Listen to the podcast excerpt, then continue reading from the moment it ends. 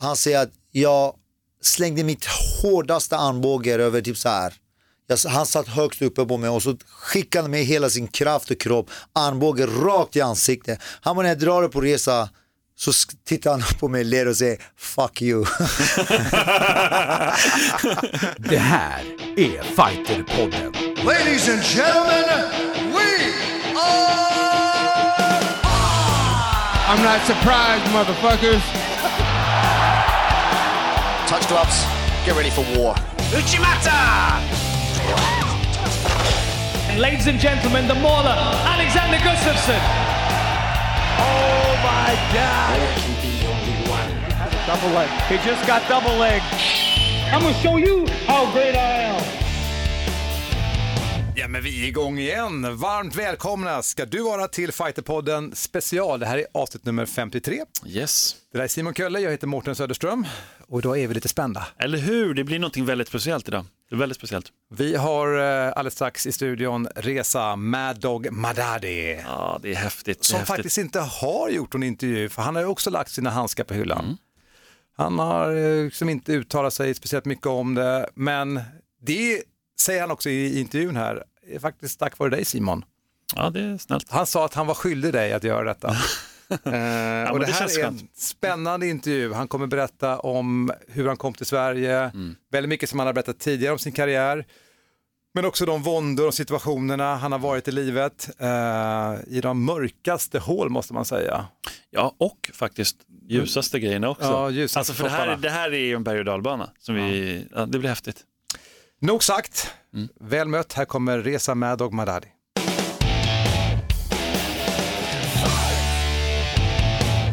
Då är det äntligen ett sant nöje att eh, presentera Resa Mad Dog Madadi. Alltså vilken karriär, vilken karriär. Helt underbart. Alltså när du har lagt dina handskar på hyllan, då kommer du. Då kommer han. What? Ja men vad fan, innan har man så mycket att göra och nu har jag också mycket att göra. Ja. Och så kände jag på riktigt, idag när du skickade, Ja. jag kände så här, du måste ställa upp för Simon. Ja, vad snäll Nej men det jag menar, ja, efter det är så bra. sen, senaste krönika du skrev och jag tyckte det var väldigt uppskattat. Tack så mycket. Du verkligen skrev från hjärtat, du hade Mm. kunskap, du hade info och då kände jag att fan det här är en snubbe som har följt i hela din karriär. Mm. Sen när du slutar skriva en helt ärlig krönika, Mm. jag kan inte säga nej till han. Ah, här. Tack så mycket, tack. Men du, eh, först bara, hur är läget? Är det bra med dig? Det... Vänta, det är inte bra, kolla på Nej, tummen. hans tumme är helt... Ja, Ska vi bara säga att du har alltså stort bandage runt din högertumme? tummen, ja, högertummen. Du har skurit dig, eller hur? Ja, jag har skurit mig ordentligt men det är sånt som händer. Är man oförsiktig så råkar man illa ut. Ja, men det var alltså en arbetsplatsrelaterad olycka. Jajamensan. Så han skars inte någon annanstans. Eller hur? Eller hur? Ja. Du, eh, berätta lite grann nu då. Alltså, det, det är lite otajmat att lägga dina handskar på hyllan och så veckan efter så gör ju The Mauler samma sak. det gör det. det är lite synd för liksom, du kommer i skymundan. jag har alltid inspirerat folk, så det här kanske också är... Nej, jag skojar. Det, eh, för mig var det så här, jag, mm, min senaste match på Globen sög ut musten ur mig. Så, fan, det skickade mig nästan till depression. Det- För att Ja, det var, du vet, du kan ljuga för alla, allt och alla. Men du kan aldrig ljuga för dig själv. Mm. Det är mm, någonting vi alla är överens om. Får jag bara fråga, när du, när du säger så, alltså, du var så inställd på att du skulle vinna och så vann du inte. Men jag ska förklara för dig. Ja. Jag kommer ihåg när det var vilken slut, vilket svårt beslut det var för mig att ta den här matchen på nio eller åtta dagar. Jag kommer ihåg att typ, så här, det var ändå ganska bra väder, jag stod på balkongen och gick fram och tillbaks. Jag hade fått eh, samtal från en manager, pratade med Putte, min vän tränare och så beslutade vi att, vet du vad, jag tar den här matchen. Och så kollade jag på snubben och bara, fan det är värsta djuret. Han har knockat och vunnit och si och så. Och jag har alltid älskat utmaningar, jag bara, fuck it, vet du vad, vi tar matchen. Jag tar matchen, jag klarar vikten, och hade ändå tränat väldigt bra men du vet, det är ändå annorlunda att vara i matchform, ha haft läge kamp. Sen, och jag kommer ihåg hur mycket jag bad och bönade, jag bara Gud hjälp mig, låt mig vinna den här matchen. Så lägger jag handskarna på hyllan för att jag kände att jag hade ändå kommit, slutet av karriären började närma sig. Och när matchen var över, sista signalen, du anar inte vilken glädjerus jag fick. Jag verkligen kände, när jag torskade mot Norman Park, när jag kollar efter, efteråt på själva matchen, då ser jag, vänta lite, han gör ingenting. Jag försöker ändå Ja, slå, jag försöker tiden. ta ner. Jag gör allt nästan. Men när matchen var slut, jag kände 110% att jag har förlorat matchen. Och det kändes inte jobbigt. Mot Joe Duffy, eh, jag hade linser. Jag sa till David innan, jag bara, glöm inte påminn mig jag ska ta ut linserna. Ah. Vi båda glömde, jag går in, spräcker pannan. Och om du ser på, en av, om du ser på min Facebook-bild, ser du att jag försöker greppa ta ut. Ja, ja, just det. Ja, Jag stoppade in fingret för att greppa ta ut den här jävla linsen. Men det gick inte. Ah, så Men jag ändå Ah. krigade, jag såg ingenting. Jag, jag, försökte, jag gjorde mitt bästa. Jag respekterade, vet du vad, det var inte min dag. Nej. Skitsamma, jag torskade matchen. Jag träffade Joe Duffy efteråt, vi kramade varandra, pussade hans mamma, pappa. Nej men det är så, det är MMA handlar för mig. Men den här matchen på Globen. Alltså jag kände, jag bara, fan Reza du gjorde det. Jag var så glad, jag kände så skönt att jag har vunnit det. Och svensk domare, det ska inte handla om, okej bara för att han är hemmafighter han ska få. Jag inte fick den matchen och senare går han och säger att, ah, men vet du vad, jag gillar inte Reza. Och jag kunde inte ge matchen till honom för att då skulle de säga, svensk domare gav matchen till en svensk. Ja, det Det kändes så jävligt och Ja du säger, än idag när jag pratar om det, det gör så ont i hjärtat. Jag ser det Mm, på dig, du har så här smärtkropp. Ja, det, det, det var verkligen så här. Och så försökte jag efteråt gå flera matcher, var Mm. bokad för ACB. Två gånger de skulle komma till Sverige, fick de nej på grund av olika anledningar, vilket... eh, Ska vi ta, vad, vad är ACB? Ja, men det är tjetjenska det är en organisation. svensk organisation, det är en rysk organisation, väldigt bra, väldigt, väldigt duktiga fighter. Betalar mycket också. Betalar sina- mycket. Och så skulle jag möta deras champ i 66 som hade gått upp till 70. Vi skulle mötas i Malmö. Jag låg i full camp. Några veckor innan bara, de kommer inte till Sverige. Matchen var inställd. Åkte jag ner två gånger till Abu Dhabi. Skrev, skrev till och med på med två olika så här, checkorganisationer. Betalade dem också jävligt bra. Det blev inte av. Det var hela tiden så här. Nej efter nej. Så kände jag, vad fan det är kanske inte meningen att det ska gå match. Sen var det någon, eh, någon månad sen, jag och Frans sparras inför hans match. Vi kör fem ronder, vilka jag vann alla, alla ronderna. Frans. Är det Frans Siola? Frans, ja, ja. Han är min broder. jag, jag tror att vi hade tjocka handskar eller tunna handskar, minns jag inte, men jag råkade få hans finger i ögat. Och så gick jag efteråt och bara, fan det är något som inte stämmer med ögat. Jag gick några dagar till och med, körde en sparring till efter den. Och jag bara, vad fan, jag måste kolla upp det här. Åker jag till ögonkliniken, jag känner han, Alex. Eh, och så säger jag till honom, brorsan kan du skynda dig, jag har, eh, jag har bokat in massor idag, ska gå och jo- jobba. Så han kollar på mig, kollar på bilderna, han hade kollat ögat. Så kommer han tillbaka, han bara bror tyvärr du ska ingenstans, du ska raka vägen till akuten, du ska opereras. Oj. Bara va?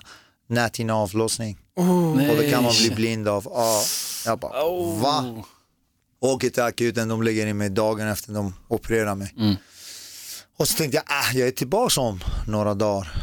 Några dagar blev fem veckor. Alltså det var så, det jobbigaste skadan jag någonsin har haft. Och det är så det är livet. När du minst anar, då Ja, kommer när det. man minst anar.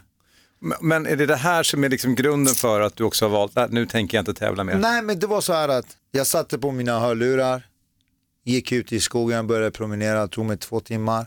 Kom hem helt eh, gråtfärdig, alltså hade, det var en av de jobbigaste promenaderna jag har haft någonsin. Och då måste du förstå att du har sysslat med en grej som du har älskat från djupet av ditt hjärta. Alltså jag har varit nästan överallt tack vare den här sporten, träffat roliga människor, haft berg dalsbana. Det har hänt mig så mycket så fort jag blir lite ledsen, deprimerad, går jag in på YouTube, söker på Reza Maddox entré. Så jag sitter och kollar, blir helt fullt av glädje. Och så ska det helt plötsligt säga hej då till den. Och så kände jag, vet du vad Reza, allt har i sin tid. Även om hur många som är som träffar mig bara, va? Har du lagt handskarna på hyllan? Fan varför ska jag ge en match till hit dit? Jag bara, nej. Jag har verkligen bestämt mig. Och det har inte varit ett beslut. Jättejobbigt. Ni ser många idrottsmän när de har lagt karriären sidan liksom. Eller, Några tar livet av sig, några har blivit Ja, ja, alkohol. ja, det. Ja, det är sant. det är jättejobbigt. Det, det har inte varit rätt för mig, det har lätt för mig, det har varit, jag har ändå några skador som jag har varit, bara vad fan ska jag göra nu då? Jag är ADHD och alla bokstäverna. När du säger sådär, alltså, jag har ADHD i alla bokstäverna, vet du att du har det eller är det bara vad du tror det?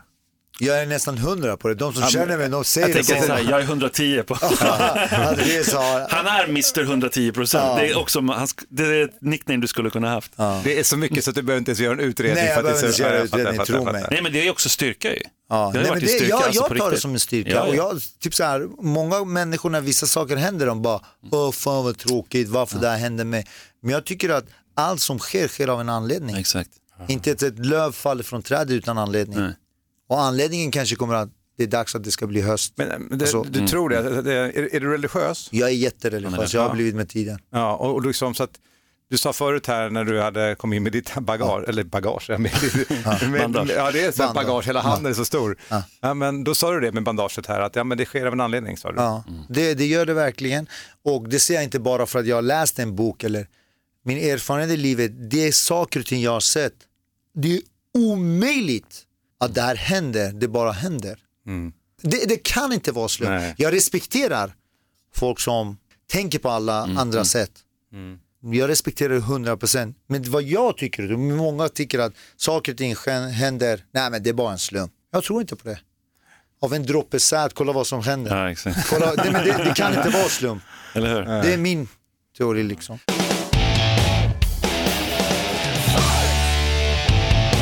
Men när, när visste du som, var du som, var du barn när du visste att du var speciell?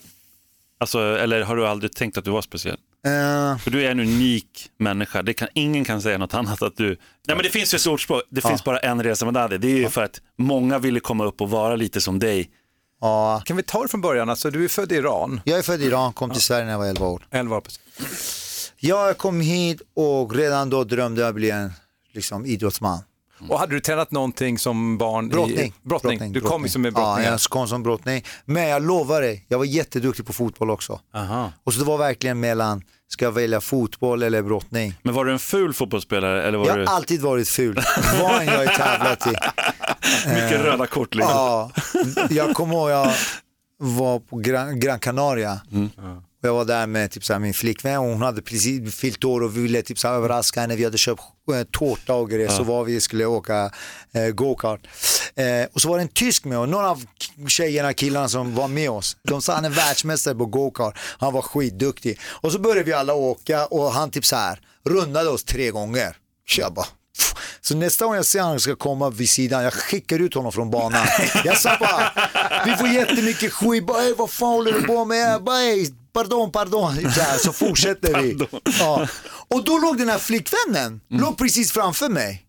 Och varje gång jag vill köra om henne, hon lät inte mig. Och alla andra bara, fan låt den här idioten vinna. Så kör jag med all kraft bakifrån på henne, jag gör allt. Men hon lät inte mig vinna. Och det första jag kommer när vi är klara, jag kommer ta tårtan och skickar ut den. Va?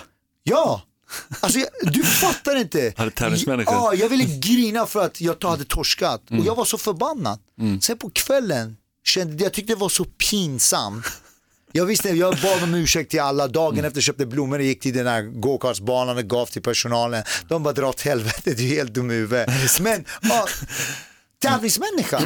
Jag har alltid haft så svårt att förlora och Vi är så olika du och jag, för att jag är så kontrollerad liksom. Jag tycker att jag till viss del är tävlingsmänniska. Min son, han är 18 år. Alltså när du pratar, han är likadan. Alltså jag, jag vet inte var han har fått det ifrån, men det ligger väl någonstans genetiskt liksom. jag, jag, jag vet inte. Men... Ja, precis min fråga är, liksom, var kommer den här tävlings... Jag har ingen aning, men jag vet typ så här. I, för två dagar sedan var det. Jag spelar fotboll med en sexåring. Han gör mål. Jag står, i jag står målvakt med det här tummen. Alltså jag var så tokig och hans farsa bara, eh, så han bara, Resa, min son är bara sex år. Och då, nej men jag lovar dig, det är då jag bara, eh, det är sant, jag kanske, låt fan ungen göra mål. På ett sätt är det bra, på ett sätt är det inte bra. Man ska ändå kunna vara kontrollerad. Absolut. Men är det inte någon i din familj, någon farbror, pappa, mamma, någon som har Bror. varit som du? Bror. Nej, inte vad jag vet. De är alla civiliserade. Jag kallar svarta fåret i familjen. Ja. Ja, då blir det ju ännu mer utmärkande om det är så till Nej exempel. men det är det. De har alla pluggat och har, ja, är ändå, de har utbildning och si och så. Men du har väl svårt att sitta still, det är det som är ditt... Skämtar du med mig? Ser du? Jag står här och dansar, jag står, jag kan inte stå still. Men alltså i brottningen, där blev du ändå lite känd. Alltså jag har pratat med ganska många brottare. Du blev ju diskad och dum. Alltså blev inte du utsparkad ur hela... Det var så jag började med Ja, MMA. eller hur? Ja, det var så. Men sen har du varit, du- i MMA har du varit snäll ändå ju. Ja, men det är det jag säger, kolla. Allt som sker, sker av en anledning. Ja. Vi åkte, det var eh, spårvägenslagen. Vi Mm. åkte ner till Skåne, vi skulle tävla i Fyrstad. Och då Mm. Eli Latifi, vi var i samma, Är det sant? ja, vi var i samma lag. Men Nej, då, vad hade, kul. då bodde han hos sina föräldrar nere i Malmö. Ah, okej, okej. Mm. Så han kom, vi var i Eslöv eller vad det heter. Ja, ja. Och vi skulle väga in oss. Mm. Vi alla vägde in oss, vi var klara. Så var det en kille från klubben som klarade inte vikten, han hade typ så här två hektar över. Mm, Och ledarna var stenhårda, bara nej, alla måste klara vikten. Om han inte klarar med vikten om fem minuter, då kan jag inte ställa upp. För om du inte klarade vikten och ställde upp, då förlorade vårt team fyra poäng. Och de här fyra poängen spelade stort roll. Så jag går och hämtar den här killen, han kommer ställa sig på vågen. Då har han bara ett hektar kvar. Jag bara, är det godkänt? De bara, nej, han måste klara det. Så jag tar ner honom från vågen, torkar hans rygg, han tar av sig kallingarna, går han upp på vågen så klarar han det. Men då ser jag de här ledarna börja titta på varandra och så säger de, nej, men tiden är inte inne, tiden är Nej. jag bara, men vänta lite. Nej, vad För dåligt. 30 sekunder sedan sa ni att det är fem minuter över. De bara, nej men resa, sluta diskutera, du ska alltid ställa till. Helt plötsligt började de vända allting emot mig. Mm. Det var verkligen, de körde jättefult spel. Mm. Medan vi står och diskuterar kommer Ili Latifi. Tja grabbar, hur läget? Och han kliver på vågen, han eh, kollar sin vikt, de skriver. Och då tänkte de inte att Ilir är från spårvägen. För att Ilir tävlade för Malmö Tigers eller något som Ah, förut. okej, okej, ja. Så de tänkte inte på det. De bara skriver Ilir är klar. Mm. Och jag ville inte säga någonting, bara vänta lite. Han Mm. fick väga in sig. Exakt. Så skedde, jag gick in i omklädningsrummet så tänkte jag, ah, de skriver upp honom. Mm. Jag går och fikar och kommer tillbaka till omklädningsrummet. Då ser jag den här 17-åringen står och grinar. Mm. Jag bara, vad är det med dig? Han bara, nej bror, de lät inte mig väga in mig. Och hans föräldrar kommer från Armenien och brottning i Armenien, det är nationalsporten. Ja, Ja, det Religion. är exakt. Det var, om han inte klarade vikten, det var så här, det var värsta grejen som hände. Jag bara, va? Så går vi ut så började jag hamna i värsta diskussioner med dem, skäller ut dem hit och dit. Så det var två lag från Skåne, de bara, vet du vad Reza, vi orkar inte med dig, vi godkänner det. Ta det med dem från Göteborg. Så jag började prata och diskutera med dem från Göteborg och så hade de en ny tränare, Magnus hette han tror jag. Medan jag så diskuterade med ledaren så säger han till mig, nu håller du käften Reza. Och Jag bara, hej, du pratar inte, men du vet jag var ändå yngre, jag var kanske, jag kommer inte ihåg, jag var 23-24 år. Jag bara, du pratar inte så här med mig, blev väldigt arg att han sa håll käften till mig. För att i brottningsfamiljen fanns inte sådana grejer. Nej. Man, pratade, man pratade inte på det sättet med varandra. Så vänder jag mig och håller på att diskutera igen. Så kände jag, vad fan, hällde han kaffe över mig? Varför blev jag så varm för? Så vände jag och kollade på han. Det tog mig en sekund, några sekunder för att fatta att han hade gett mig en tjuvsmäll. Är det sant? Jag svär.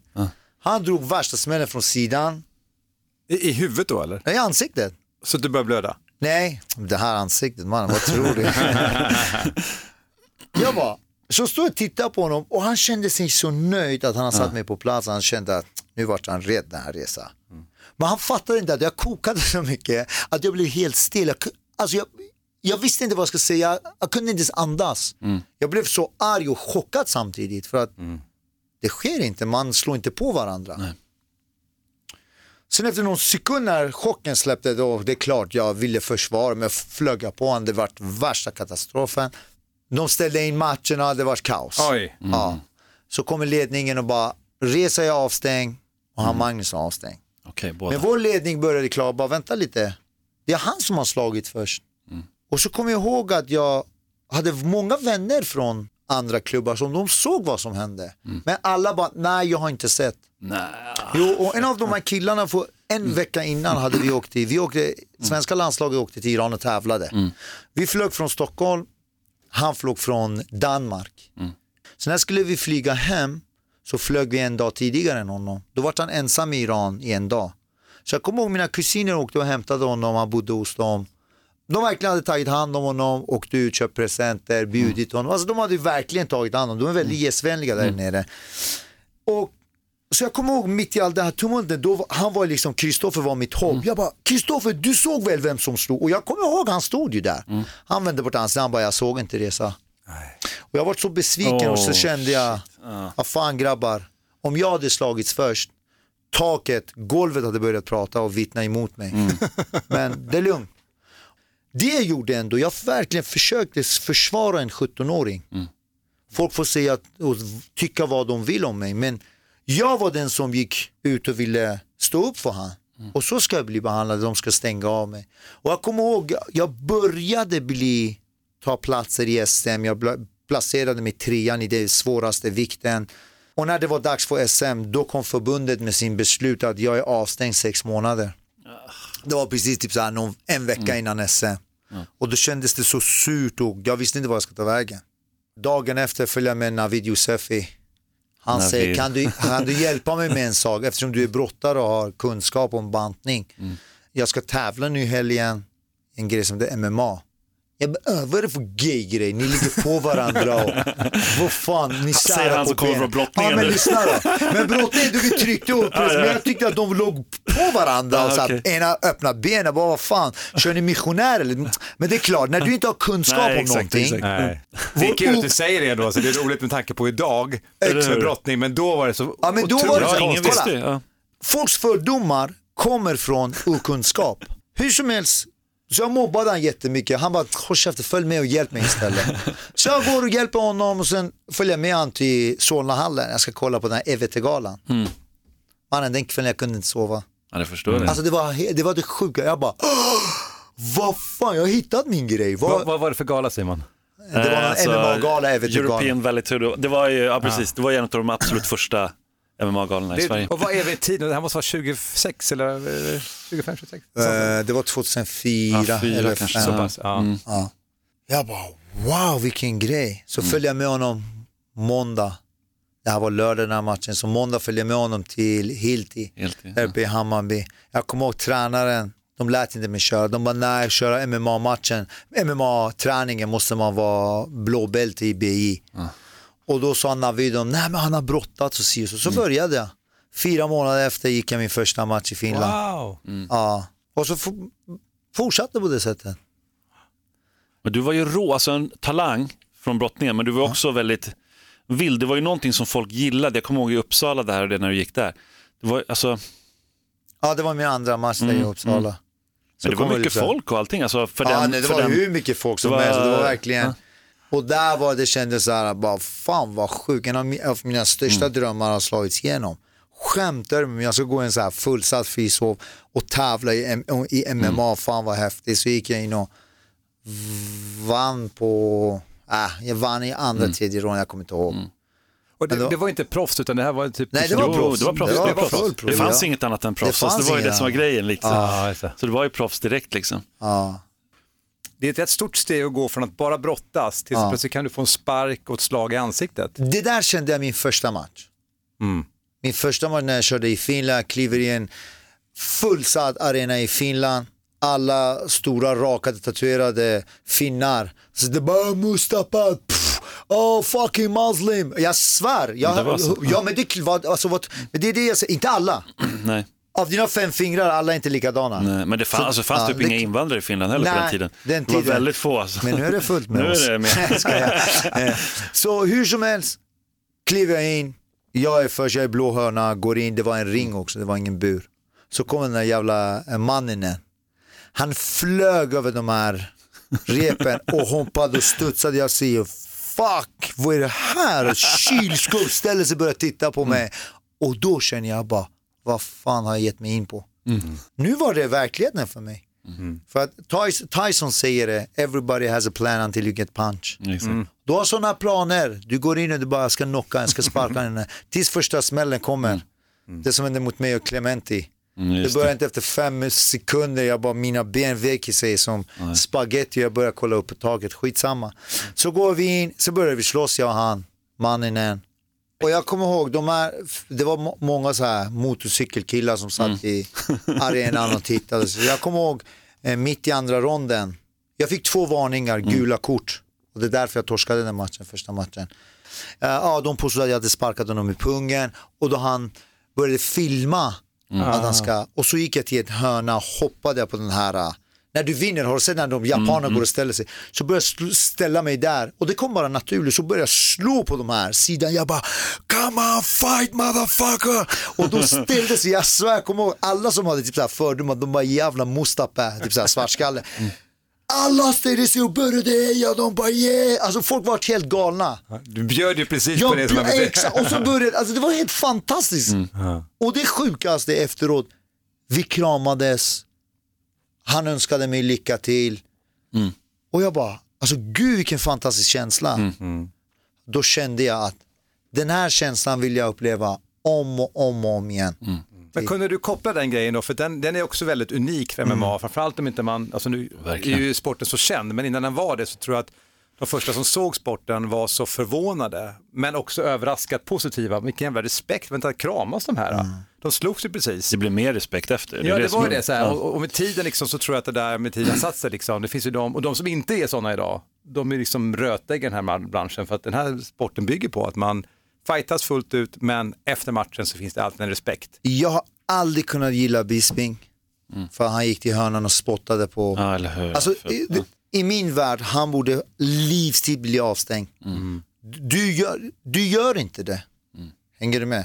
Det är klart det blir jidder om du inte hälsar på din motståndare efteråt. Ah, that's fine, gå därifrån. Men gå till hans hörna och spotta på Ja, dem. eller hur. Nej, det går Det inte. finns inte. Nej, nej, nej.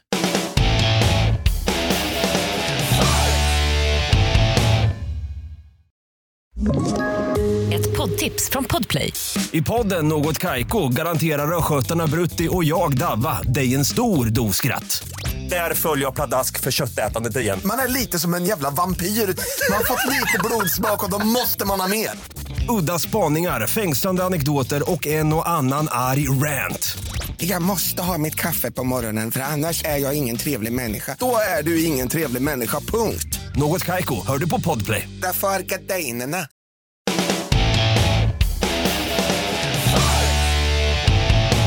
Din familj nu, alltså, vi har ju Ja. fått lite bakgrund här. Det, det är full av energi, vad sa du, familjen svarta får. nu. Kan man säga. Och så då eh, från brottning och så går du in och hamnar i en bur. Och då på den tiden menar jag, när MMA inte var känt.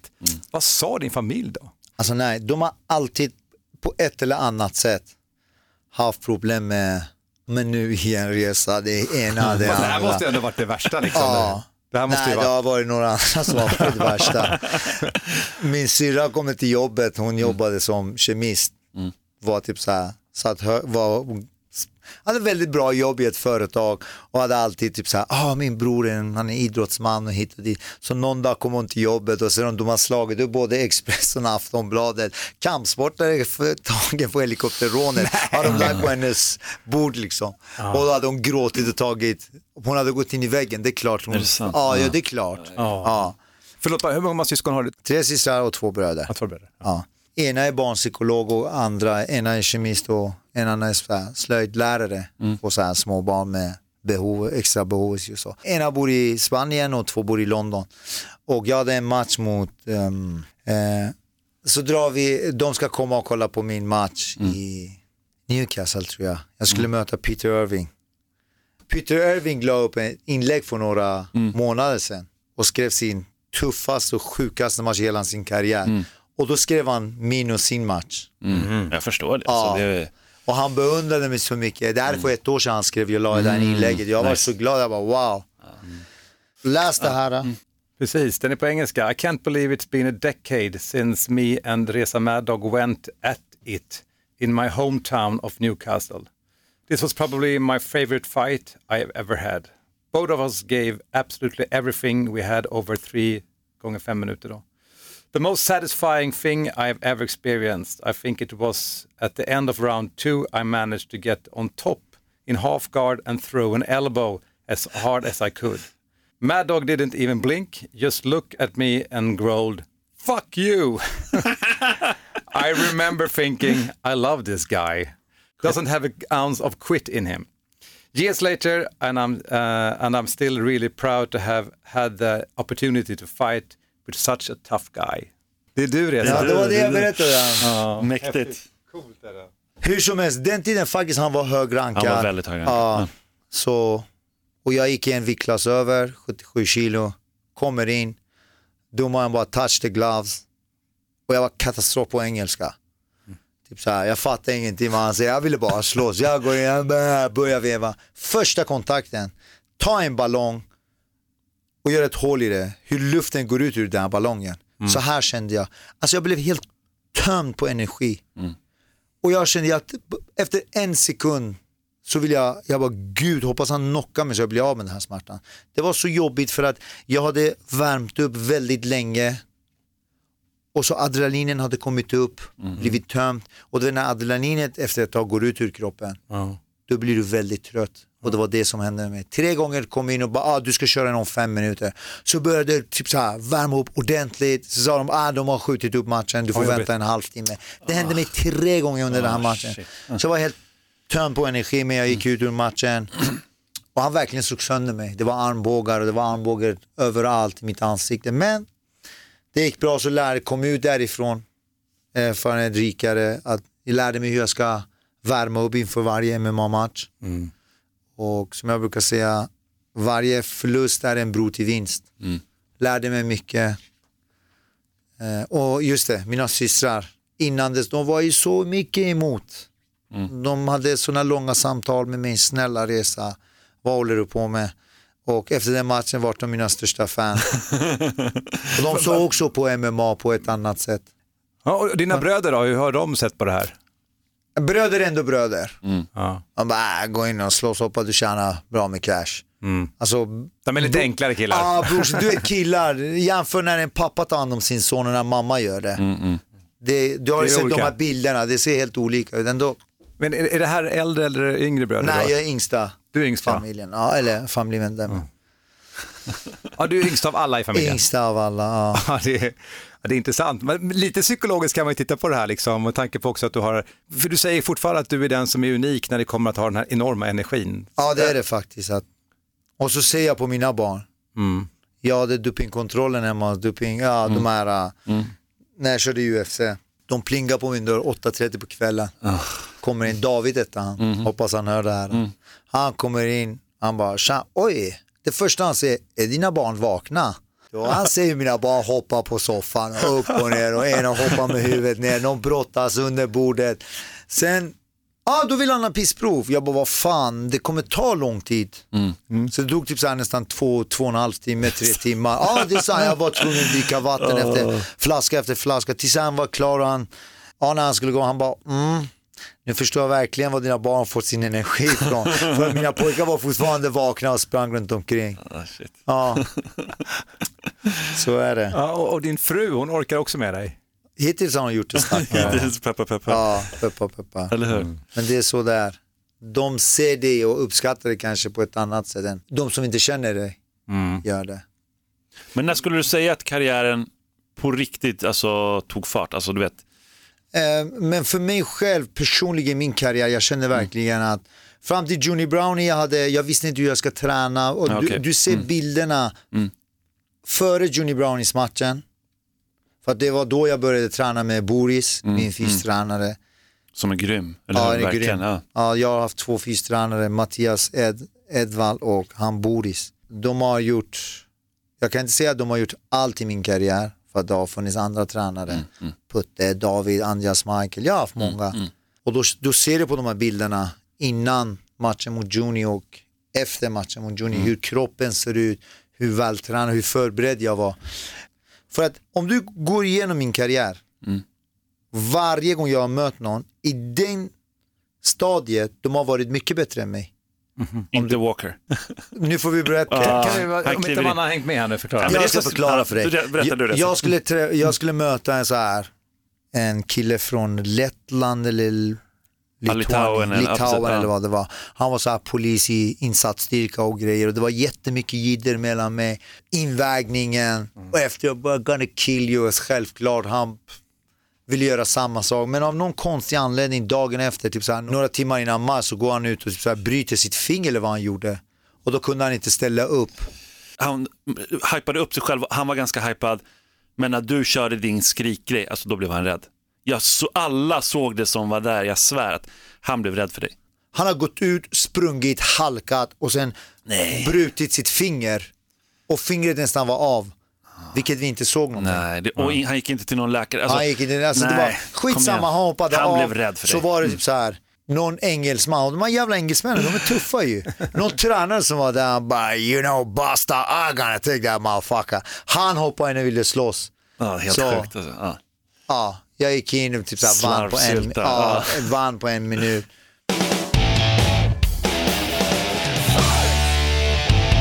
Men du gjorde den matchen och det var ju viktig matchen då. Det var ju helikopterljud i, Ja. och det var, ju alltså, Ja, det var en just det. viktig match Idag hade jag inte gjort det. Så du skulle inte gå in med helikopterljud säger du? idag.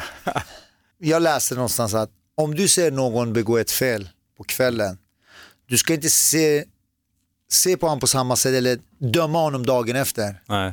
För du vet inte, kanske under natten, han har ångrat sig vad han har gjort och han har ändrat sig till en bättre, bla bla, du vet alla de här grejerna. Men du ska tänka ändå när jag gick den här matchen, det var, när var det? Det var tio år sedan kanske. Ja, tio år sedan. Ja. Typ. Mm. Man ändras ju mycket, jag har gått igenom massor med grejer. Så idag jag skulle inte göra det. Du blir precis tagen för helikopterrånet och så ska du gå match en månad efter så kommer det med helikopterljud. Men det var kul att du gjorde det då i alla fall. Ja, då var det jag. kul jag fick. Men, man- liksom, det blir ju två varv för dig i UFC, med att du har också en period Ja, precis. som inte du vill prata om, det vet jag, när Ja. du hade den här domen. Jag fick så mycket skit. Jag fick gå igenom så mycket, alltså det var sån bombnedslag i mitt liv. Ja, verkligen mitt liv vändes ju över en natt. Och de människor som inte har varit med kan aldrig föreställa sig. Och jag kan berätta kanske några av de extrema fallen. Att Min fru var höggravid och hon jobbade som mäklare. Någon snubbe skriver, skickar mail till henne att du, jag har typ så här någon sjua i Kungsholmen. Eh, Kom över, jag har valt dig att du ska kolla, gå på den här visningen och jag vill att du ska sälja den här lägenheten till mig. Och frugan tänker, shit, värsta lägenheten, bra arvode, jag går dit. Hon går dit med gravid mage, typ så här, sitter och väntar i kanske en och en halv timme, ringer, smsar, skickar mail. Efter en och en halv timme får mail tillbaka att ah, nu har jag gjort research, det är du som är tillsammans med den där äckel, den här kriminella snubben. Oh, Eh. shit. Ja. Har du börjat spilla över, jag förstår. Ja, men när vi tänkte efter, det var verkligen, det är ingen som ville sälja sin lägenhet. Nej. Folk sitter, de har ingenting att göra, ta sin tid, Ja, skicka en sån här grej till en, vad fan, kom igen. Alltså det hände mig så sjuka grejer, Mm. alltså jag upplevde så mycket onödigt hat ändå. Mm. Jag förstår att folk var besvikna. Och tro mig, är det någon som har varit mest besviken så har det varit jag. Mm. För att alltid när du gör någonting, det är klart du gör mot omgivningen, men oftast gör du det värsta skadan mot dig själv. Mm. Jag kommer ihåg när jag kom hem och läste massor av de här kommentarerna och jag har alltid sagt till mig själv, nej du ska inte ta åt dig. När, när du kom hem, när du hade muckat eller när Nej, du... nej, nej, nej, nej. Nej. De släppte mig mellan tingsrätt och hovrätt. Mm. Och jag kommer ihåg när jag kom hem vilken svårt resa det var för mig. Att, eh, jag trodde aldrig någonsin, men jag var, det här är första gången jag berättar, jag var sekunder ifrån självmord. Nej, men. Ja, det är sant. Det var, det var så jävligt. Tänk dig, över en natt du förlorar allt. Allt du har byggt upp i så många år. I- Och vart jag gick, den här bilden hur folk tittade, vad du läste om dig. Alltså nej, det var, jag kan inte ta tag i hur jävligt det kändes, men det var jobbig tid. Men sen när jag började komma på fötterna och när jag bestämde mig, det var när min första son kom. Och då började jag tänka, fuck vad jobbigt när han blir lite äldre, jag ska gå till dag förskola, dag, jag ska hämta honom, folk ska, andra föräldrar ska se på mig på ett annat sätt. Och då bestämde jag, för jag hade redan, då, då hade jag bestämt mig, jag bara, vet du vad, jag lägger av med eh, MMA, när jag är klar med fängelsestraffet, då flyttar jag utomlands. Jag vill inte ha något shit med det här att göra. Och så började de här tankarna komma, att vill du verkligen folk ska komma ihåg det som Reza Maddag, vem? Ah, han som, han var helt okej, gjorde någonting dumt, fick fängelse. Alltså, att din historia ska, för du är regissören av din egen film, alltid. Du kan se, se till att din film får Oscar, eller det blir en katastrof. Förstår du vad jag menar? Ja. Få en stjärna i Aftonbladet eller få alla stjärnorna. Och då bestämde jag att nej, min film ska inte sluta på det sättet.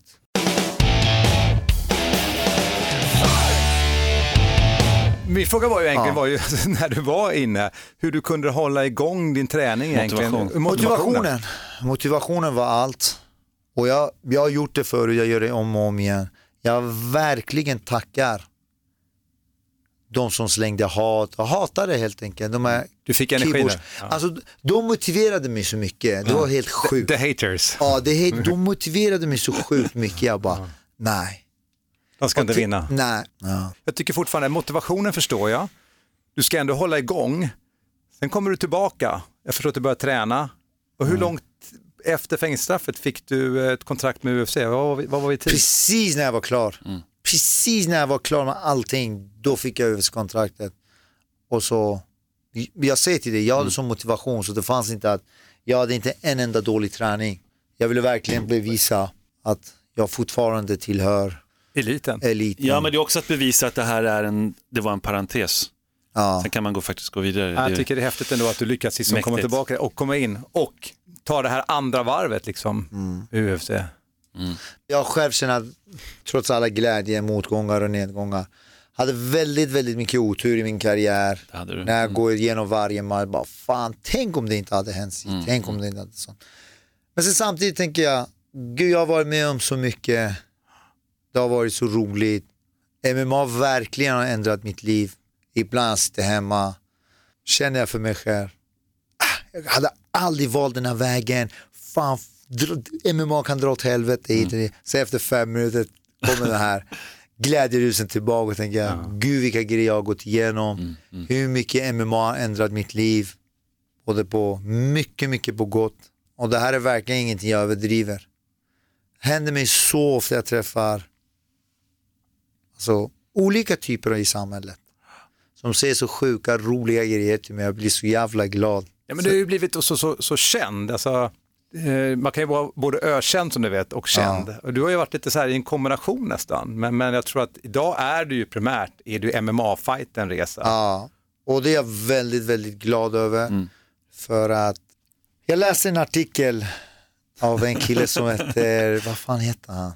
John hette han. Han si- Mm. sitter i Finland, får livstid, morden i Solvalla. Mm-hmm. Han bara, alla dumheter man gör i livet, Mm. räkningen kommer alltid senare. Och han bara, jag tänkte inte på konsekvenserna när jag var liten. Men nu när min dotter typ ska, ska fylla 11, 12 eller vad det är och frågar mig pappa varför ska inte du vara på min kalas? Eller varför finns inte du? Och det kändes så hårt. Jag bara, gud vad rätt det är det han säger. Så många av saker vi gör i livet, räkningen kommer alltid senare. Det är därför jag tänkte att det här med helikopterljudet, Mm. Du hade inte gjort det. Ja, det hade jag inte. Jag så, då var det typ så här mest, jag menade ingen illa, jag menade att Nej, jag bjuda på ljus. Men tänk dig rättväsendet, typ så här. de som har jobbat med det här fallet, de som ser det här hånet rakt i sitt ansikte. Ja, men det är klart Ja, det är det- shit. Men det, att det huvudmannen i mitt fall får 1,8 och jag får 1,9. Ja, det var ja, helt sjukt faktiskt. Man Men kan sen- tolka det på det sättet. Men ja. tänk om man tänker så här, genom hela din karriär, du bygger ju upp så här kunskap. Alltså, ja, det är Om klart. man tänker din, eh, ja, som ett dataspel, du m- ökar level hela tiden. Så här. Eh, nu sitter du med väldigt mycket kunskap. Du har ju till exempel, nu ska du ju också coacha, eller hur? Eller Ja, berätta, berätta lite om vad du ska göra nu. För, och berätta om Kamsat Chimaev som, alltså, alla pratar så gott om den här killen. Du har tagit honom under dina vingar va? Hamza kom till spårvägen, eller spårvägen, så fan fick jag spårvägen? Ja. Han kom till Allstar från ingenstans och så redan då kände man bara wow vilken talang. Väldigt skön personlighet. Men i mina ögon, inte för att han är min vän och jag rest med honom halva jorden och coachat han. Det är så här väldigt skön typ. De som inte känner honom kanske, det är som alla, allt annat. Det du inte vet om har du fördomar mot. Eh, jag är väldigt, väldigt bra vän med han Kevin, domaren. Men jag kommer ihåg en tävling när han sa till honom håll käften. Jag tog så illa vid mig. Eh, vilket jag har bett ursäkt till Kevin många gånger. Bara fan bror, det var inte meningen. Men han, jag känner väldigt, väldigt mycket att vi har haft samma situation.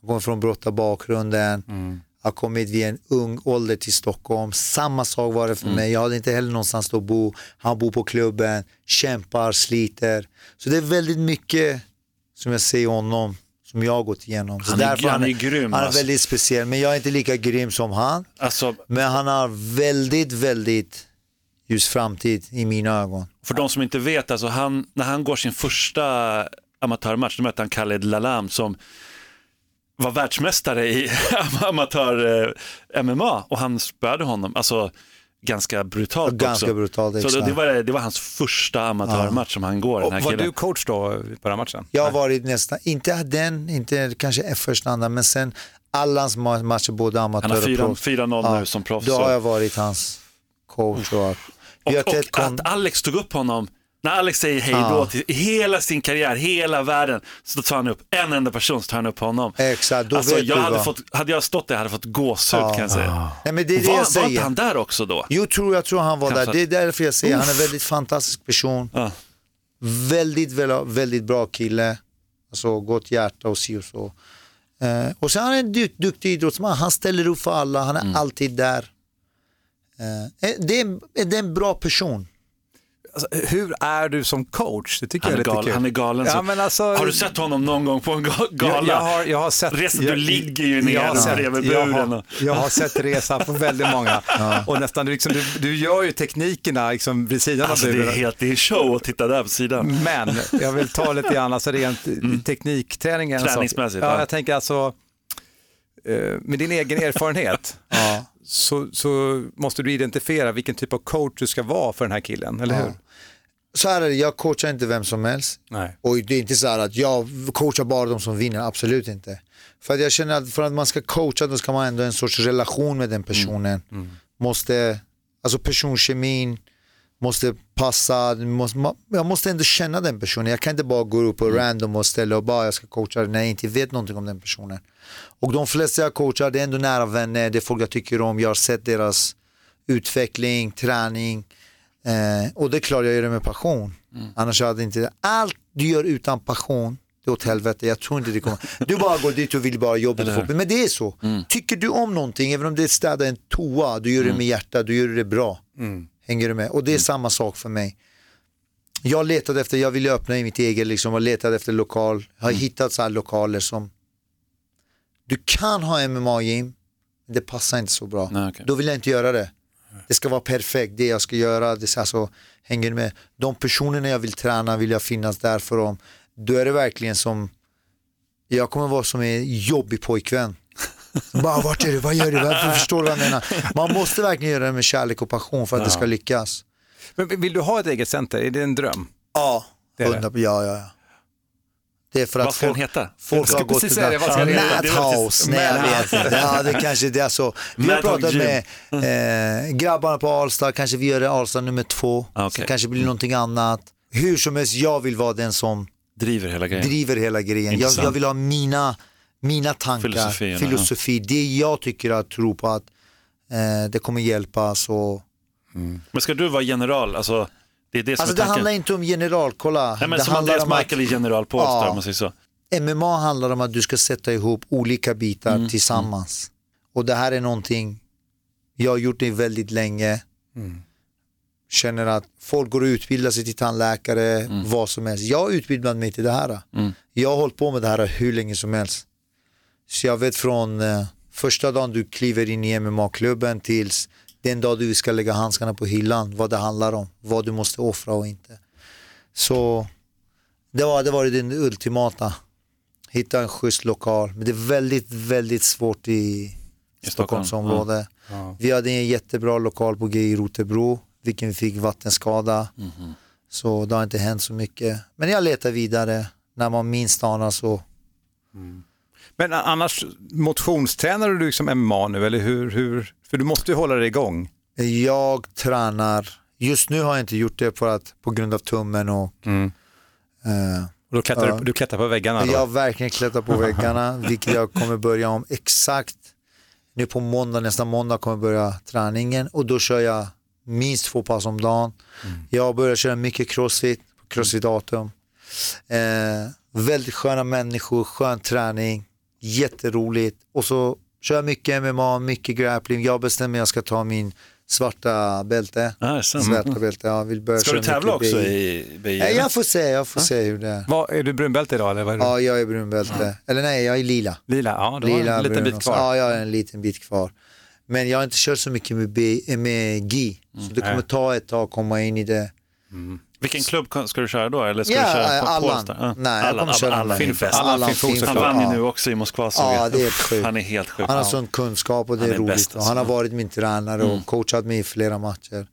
Så, ja. Det vill Allan fin Har du dragit ut honom någon gång? Eh, Jag har inte ens varit i närheten. Är det sant? Ja. Han är är så så. svår alltså. Ja, han är så svår. Vet du om David har lyckats eller något sånt där? Nej, det tror jag inte. Det vet jag inte.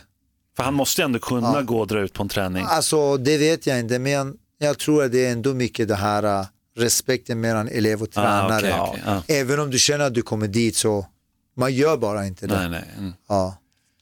Hade någon elev gjort så här mot mig, de hade fått ett finger i rumpan. Vad fan gör du? ja. Nej, så är det. Ja, okej. Alltså resa, vi behöver liksom runda ihop det här nu va. Men, men det är ju en fantastisk resa. Det är lite svårt att acceptera att du har lagt dina handskar på Det, hyllan. är, det är svårt alltså, jag håller med. Så, så är det ju. Du har ju sån energi och liksom den här kraften. Vi har pratat lite grann om det i podden också. Det är ju märkligt. Det är klart att, för du är ju faktiskt 41 år nu. Jag fyller 41. Då tänker jag att, att eh, liksom, i MMA så är ju de har kommit till en, liksom en, en bra ålder. Samtidigt pratar vi om att det är märkligt med liksom de, här, Han kan ju. Mm. de här stora namnen som faktiskt är 45-46 Ja, ja, som trampar fortfarande in och vi snackar om det. Vad kommer vara den äldsta åldern tror du med fighters i MMA? För att många har ju en historia, det finns en publik. Eh, Alltså, jag menar, Randy Couture skulle kunna gå upp igen och få betalt för det. Du kan ju bo- vara gammal borde men inte- förlora, det är ju det. Alltså det Ja. Du menar mer gammal och vinna antar jag? Ja, man vill ju vinna såklart, liksom. men alltså, det måste finnas en gräns hur gammal man kan vara innan man kör en fight i MMA. Jag tror det, alltså du är så gammal som du själv känner dig Ja, det är och accepterar. Jag tror tills den dag du känner att wow, jag kan gå in och mangla, jag kan göra det här och det här och Mm. det här. Du gör det, men glöm inte att jag är ändå tvåbarnspappa, Mm. pojkarna börjar De ska du också såklart få in Ja. i träningen nu. Ja, exakt. De, börjar, de kör brottning, det är fotboll. Jag vill inte sno deras tid. Nej. För att ändå, mycket av min tid tillhör ju dem. Så man måste ändå... Jag vill ändå vara en bra farsa. De ska Men inte det- säga att min farsa var värsta. Han var bara borta hela Ja, tiden. han var bara borta. Det var hans tävling, det var hans matcher som gällde. Men ändå svårt Och det är alltså. jättesvårt. T- Lyssna på mig, ni vet inte hur lång tid det tog mig för att ta det här beslutet. Det har varit jättesvårt. Det gör ont i hjärtat att prata om det. På gud, jag har fällt så många tårar när, jag suttit, när jag bestämde mig där. Det var så jobbigt så det är inte sant. Men man måste ändå acceptera, allt har i sin tid. Allt Jag vill inte vara den gamla ruttna mjölkpaketet. Jag vänder bladet här nu, vi ska se när vi Som träffar- kungen sa, vi vänder blad. Ja.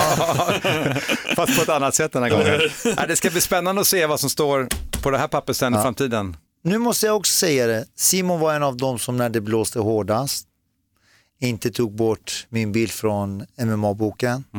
Vilket många andra hade gjort och Mm. Jag många fick så mycket skit det. för det, du, du vet Ja. det, eller hur? Akademibokhandeln, de vägrade ha dem. Jag, sa, jag gick till dem och sa så här, ni har en bok med Hitler på.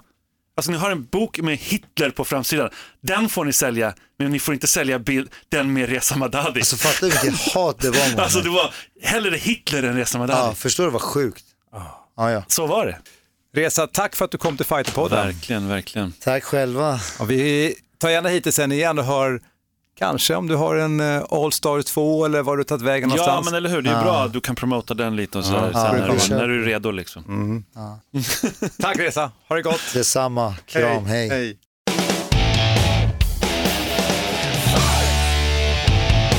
Alltså det där blev ju mer än jag hade tänkt mig. Eller hur, alltså Ah. fantastisk. Alltså, att han bjöd så mycket. Reza är ju ett proffs, jag brukar alltid säga det, men och proffs innebär ju också att var, bjuda på sig själv. Ja. Och det gjorde han ju verkligen nu. Ja, alltså, herregud. Och eh, hans mo- mobil låg bredvid mig, det ringde hela tiden. jag, jag sa det bara en gång tror jag. någonting. Men det var ju, alltså han är, det är en karaktär, det är liksom en stark människa och det var en, eh, var en och är en fantastisk idrottsman. Ja, det ska bli spännande att se också om eh, ja, han får ett eget träningscenter och hur han kommer att arbeta som coach. Och, ja, allt han har pratat om i den här intervjun. Ja, det är väldigt mycket att ta med sig och jag tror, jag tror faktiskt att the sky is the limit för honom och det är, ja, det blir väldigt spännande. Och jag tycker det är väldigt spännande också, inte bara med Reza Madadi, utan det är, vi har andra som är i slutet av sin karriär och vad kommer Alexander Gustafsson göra nu? Och Ja. Han är delägare i, i eh, Allstars då, Alexander, men liksom David Bjälkheden, kommer han gå way back med Resa, kommer han vara med där? Putte Berisha som är grym coach och har varit med. Alltså, det, nej, det, jag skulle säga så här att jag hoppas lite grann faktiskt att han eh, drar igång någonting och att han fortfarande har väldigt bra, liksom att, att det inte blir konkurrens med Allstar utan det blir, det blir liksom någon, någon kompisgrej, någon systerförening Ja, eller något precis, sånt där. precis. Det skulle vara väldigt kul. Det skulle vara väldigt roligt. Ja, vi ska ta och knyta ihop den här podden. Vill du höra av dig till oss så är det fighterpodden at fightermag.se. Nu tar Fighterpodden lite sommarledigt faktiskt. Yes, yes, det ska bli skönt. Så jag ska önska dig Simon Kölle en trevlig sommar. Ja, och jag ska önska dig en trevlig sommar, Mårten Söderström. och Elin vill vi önska en god Ja, sommar och Johan. Haldin vill vi önska en god sommar och, Och alla ni där ute. Mackan som producerar också. Mackans Boink Söderström vill vi också. Absolut. Nej men verkligen, och alla ni där ute. Träna på. Och hör av er så hörs vi snart igen i Fighterpodden. Ha det gott! Oss!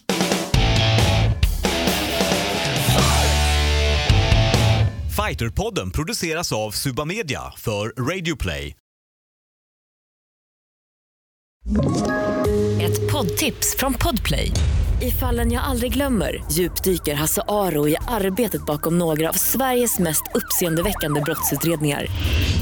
Går vi in med hemlig telefonavlyssning och, och då upplever vi att vi får en total förändring av hans beteende. Vad är det som händer nu? Vem är det som läcker? Och så säger han att jag är kriminell, jag har varit kriminell i hela mitt liv men att mörda ett barn, där går min gräns. Nya säsongen av Fallen jag aldrig glömmer på Podplay.